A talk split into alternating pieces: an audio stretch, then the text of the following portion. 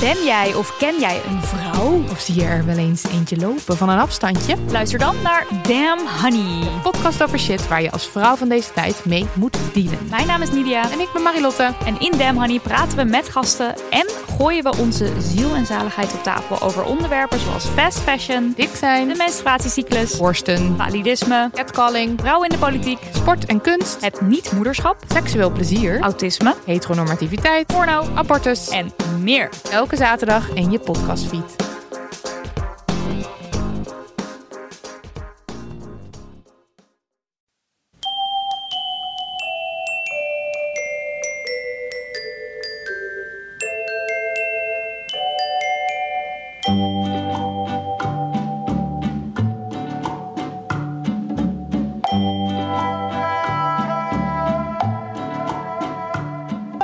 Welkom bij aflevering 80 van de Echt Gebeurd podcast. Bij Echt Gebeurd worden waargebeurde verhalen verteld door de mensen die ze zelf hebben meegemaakt. Deze week gaan we luisteren naar Katelijn Schilder. Thema van de middag was broers en zussen.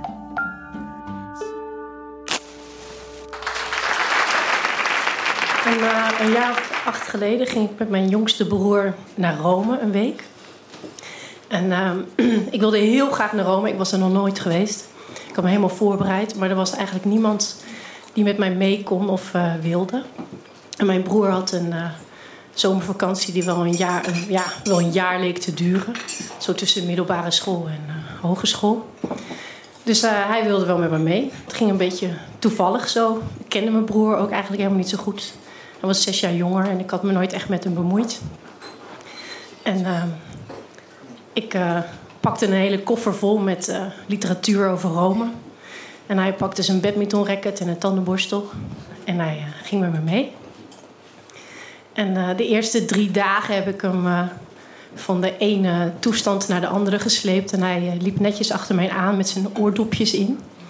En zijn badmintonrackets in zijn tasje. En die moest hij elke keer afgeven bij de beveiliging. Paste niet in een kluisje van het museum. Moesten heel erg lang wachten. En de Italianen die hadden ook twee uur lunchpauze. Dus soms zaten we ergens op een stoepje twee uur te wachten... totdat hij zijn badmintonrackets weer op kon halen. En ehm, op een gegeven moment waren we in de Sixtijnse kapel. Dat was het moment voor mij. Ik had er allemaal documentaires over gezien. Ik wist eh, hoe eraan was gewerkt. Ik wist welke materialen er waren gebruikt. Ik wist welke periode het was gemaakt. En ik heb uren voor in de rij gestaan.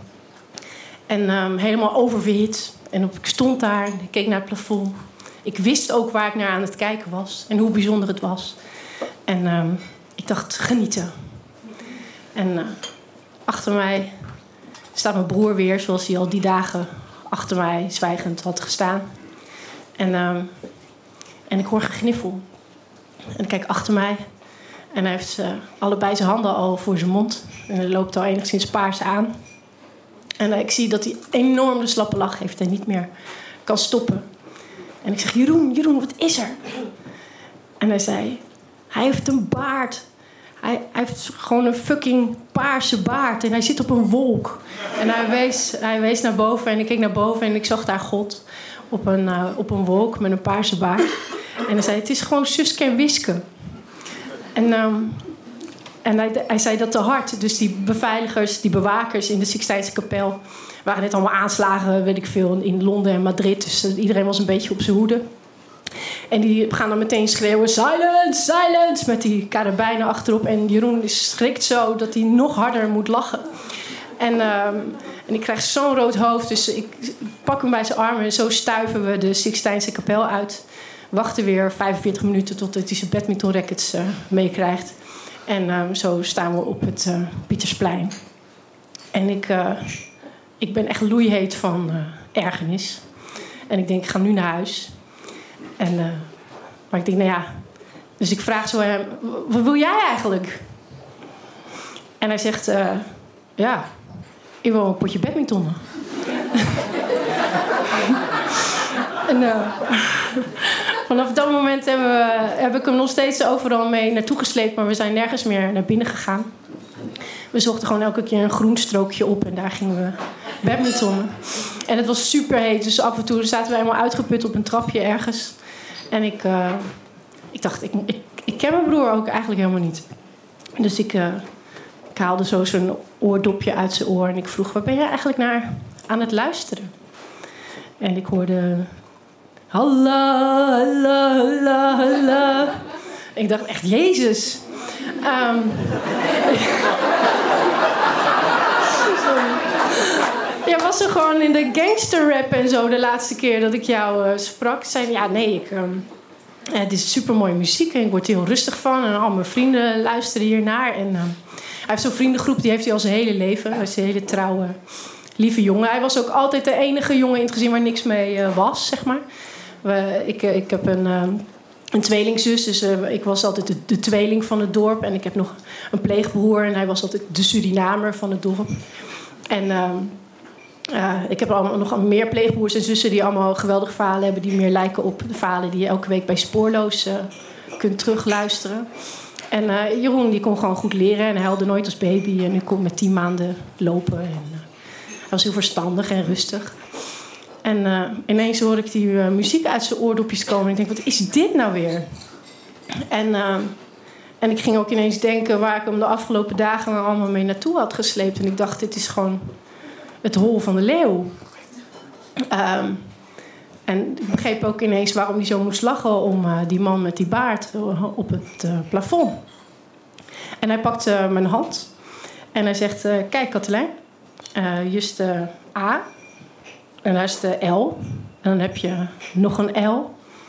En dan heb je weer de A. Als je dan draait, dan heb je de H. Dat is Allah. Die neem je overal mee naartoe. Dat is een handtekening.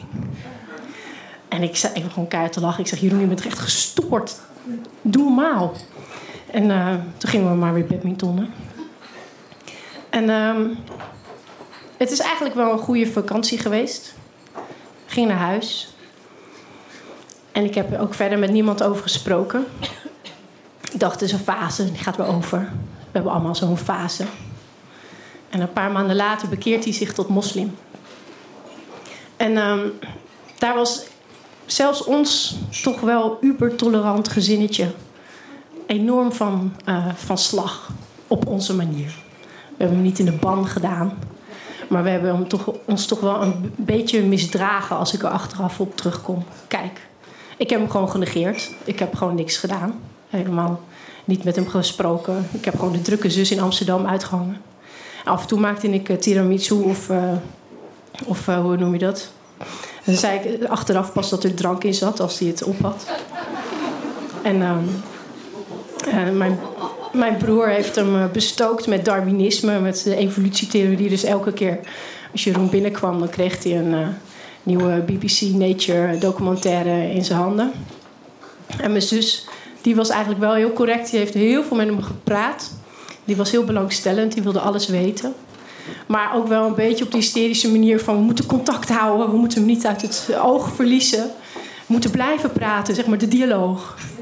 En, uh, en mijn moeder, dus wel goed om te zeggen... mijn moeder die, uh, die, is altijd maatschappelijk werkster geweest. En... Uh, die, die weet gewoon wat je moet doen als je anorexia hebt, of als je tienermoeder wordt, of als je uh, gokschulden hebt of uh, verslaving. Ze ik had het idee dat ze ons zich eigenlijk een beetje verveelden met ons, omdat er nooit iets was. Maar um, zelfs bij mijn broer was zelfs zij toch wel van de kaart. En zij ging dan een beetje huilerig zeggen: Het gaat niet gebeuren dat ik dadelijk op een, op een bruiloft van mijn eigen zoon zit in de vrouwenvleugel. En dat ik dan mijn eigen zoon en mijn eigen man niet eens uh, te zien krijg. En uh, ik had gedacht dat mijn broer dan geruststellend zou antwoorden: Nee, natuurlijk niet. Dat gaan we helemaal niet zo doen. Maar hij zei juist van: Nee, maar bij die vrouwen is het juist veel gezelliger. Want die mannen die, uh, die zitten gewoon bij een soort luik waar af en toe eten wordt geschoven. Maar die vrouwen die hebben echt een gek feest en die gaan dansen en daar moet je zijn. Ik ben bijna jaloers op je. En, uh, maar dat was helemaal niet uh, geschikt antwoord. En mijn, uh, mijn vader was eigenlijk de enige die rustig bleef, maar met hem eigenlijk, ze gingen gewoon met z'n tweeën naar voetbal, zoals ze altijd deden. En ze hadden het over voetbal. En mijn vader ging ook wel eens mee naar de moskee. Om te kijken waar die nou uithing. En um, gaandeweg de jaren daalde het stof wel neer. We bleven overigens wel allemaal heel aardig voor elkaar. Maar intern rommelde het. En ehm, het stof dwarrelde neer. We werden allemaal wel rustig. En ik dacht, nou, we zijn nu wel officieel het meest tolerante gezin van Nederland. Tot een paar weken geleden. En uh, ik was met een vrouw aan het praten en die vroeg mij... Uh, we hadden het, het gesprek op met mijn broer. En die vrouw vroeg mij, waar is het uh, misgegaan met jouw broer? En ik zei, nou, misgegaan. Het is allemaal goed afgelopen. En ik moest een beetje lachen om die vraag. En hij wringde meteen, maar ik ging heel braaf antwoord geven van... Nou ja, hij is gaan studeren en hij is getrouwd met een hele geweldige, lieve, hoogopgeleide, moderne vrouw. En uh, hij uh, heeft ook een soort maatschappelijke betrokkenheid. En het is ook een soort ideologie, weet je wel. En je hebt een hele moslim-wereldfamilie erbij. En het is heel gezellig in die moskee. En, uh, en ik... dus het is, helemaal, het is helemaal niet misgegaan. En ik fietste naar huis. En ik had echt een hele vieze smaak in mijn mond van het antwoord dat ik had gegeven. Maar ik, kwam er maar niet achter waar dat nou aan lag. En dus ik ging erover nadenken. En toen dacht ik, ja. De vraag is natuurlijk helemaal niet uh, waar het uh, misgegaan is met hem. De vraag is, waar ging het mis bij mij? Zeg maar. Dat ik nu antwoord ga geven op die vraag. En dus ook nu ineens het moslimgeloof als ideologie uh, verdedig. Ik weet niet of jullie degene kennen die dat ook zo doet. Het geloof als ideologie, maar niet als geloof. Zeg maar. En dat is natuurlijk de PVV. Dus ik met mijn uh, heel, heel tolerante hoofd heb stiekem toch de angst in de kieren van mijn dichte deur laten doorcijpelen. Zonder dat ik het zelf in de gaten had. En uh, ik heb er een soort westerse verklaring aangegeven. Ik heb gezegd dat het heel gezellig is daar. En uh, dat het ook zoals je vroeger communist werd of hippie, je nu uh, moslim kunt worden. Maar dat is natuurlijk helemaal niet zo. Er zit een hele onderlaag onder die ik gewoon negeer. En um, wonderlijk hoe die angst zich nestelt. En hoe ik elke keer politiek correct heb weggezept bij de PVV, maar hoe het elke keer toch binnen is gekomen. En mijn broer heeft nu een, uh, samen met een hele grote groep medestanders een politieke partij opgericht in Rotterdam. En de komende maand doen ze mee aan de gemeenteraadsverkiezingen. En ik hoop dat ze bij mij die deur weer open willen zetten. En er komt er wel heel veel angst binnen misschien. Maar die kan ook heel makkelijk weer wegvliegen.